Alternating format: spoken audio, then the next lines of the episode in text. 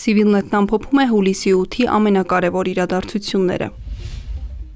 Հուլիսի 8-ին վարչապետի պաշտոնակատար Նիկոլ Փաշինյանը հանդիպել է Բարգավաճ Հայաստան կուսակցության առաջնորդ Գագիկ Ծառուկյանին։ Փաշինյանը շնորհակալություն է հայտնել Ծառուկյանին հանդիպման հրավերն ընդունելու համար։ Նիկոլ Փաշինյանի խոսքով Բարգավաճ Հայաստանը շոշափելի դերակատարում ունի Հայաստանի քաղաքական կյանքում։ Թեև ընտրությունների արդյունքում կուսակցությունը չի հաղթահարել խորհրդարան անցնելու համար անհրաժեշտ շեմը, սակայն վարչապետի պաշտոնակատարը կարծում է, որ ԲՀԿ-ն շարունակում է մնալ ազդեցիկ ուժ Հայաստանի ներքաղաքական կյանքում։ Գագիկ Ծառուկյանն էլ նշել է, որ շարունակ շարունակելու են ժողովրդի կողքին լինել։ Ընտրություններից հետո ես ինչպես շնորհակալություն հայտնեցի ժողովրդին, ընտրությունների մասնակիցներին, մեծ ձայն տվողներին, այնպես էլ ասացի, որ մանդատով չէ ամեն ինչ պայմանավորված։ Մանդատը չկա, ուրեմն մենք ժողովրդի հետ չենք, չենք շփվելու։ Մենք ժողովրդի կողքին ենք, քննարկել ենք, մասնակցել ենք, տեղյակ ենք պահել մեր տեսակետը, մեր մոտեցումը, թե ինչպես կարելի է այս վիճակից դուրս գալ։ Անկախ ամեն ինչից մենք խորհրդանում ենք, թե ոչ, դա չի նշանակում, որ մենք ժողովրդի կողքին չենք։ Ցանկացած բան, ինչ օգուտ կբերի մեր հնարավոր հնարավորությունների սահմաններում միշտ էլ արել ենք, անում ենք, անելու ենք, ասել է Ծառուկյանը։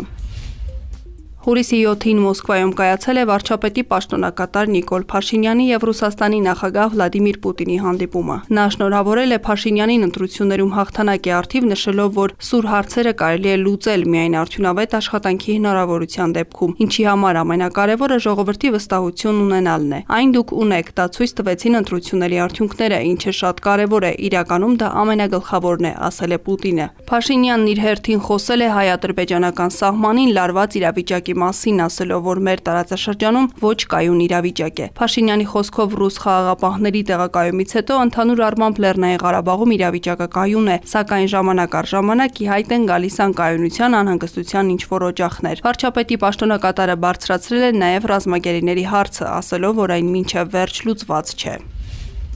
Նախագահ Արմեն Սարգսյանի հրամանագրով 3-րդ վանակային կորպուսի հրամանատար գլխավոր շտաբի նախկին պետ Յուրի Խաչատուրովի որդի Գրիգորի Խաչատուրովն ազատվել է պաշտոնից։ 2019-ի սեպտեմբերի 20-ին Հայաստանի Հանրապետության անկախության 28-րդ ամյակի կապակցությամբ հիմք ընդունելով վարչապետի առաջարկությունը նախագահի հրամանագրով Գրիգորի Խաչատուրովին շնորհվել էր գեներալ-մայորի կոչում։ Ավելի վաղ նախագահի հրամանագրերով աշխատանքից ազատվել էին Հայաստանի զինված ուժերի հակաօթային պաշտպանության զորքերի պետ վարչության պետ Արմեն Վարդանյանը եւ ինժեներական զորքերի պետ վարչության պետ Իշխան Մաթևոսյանը։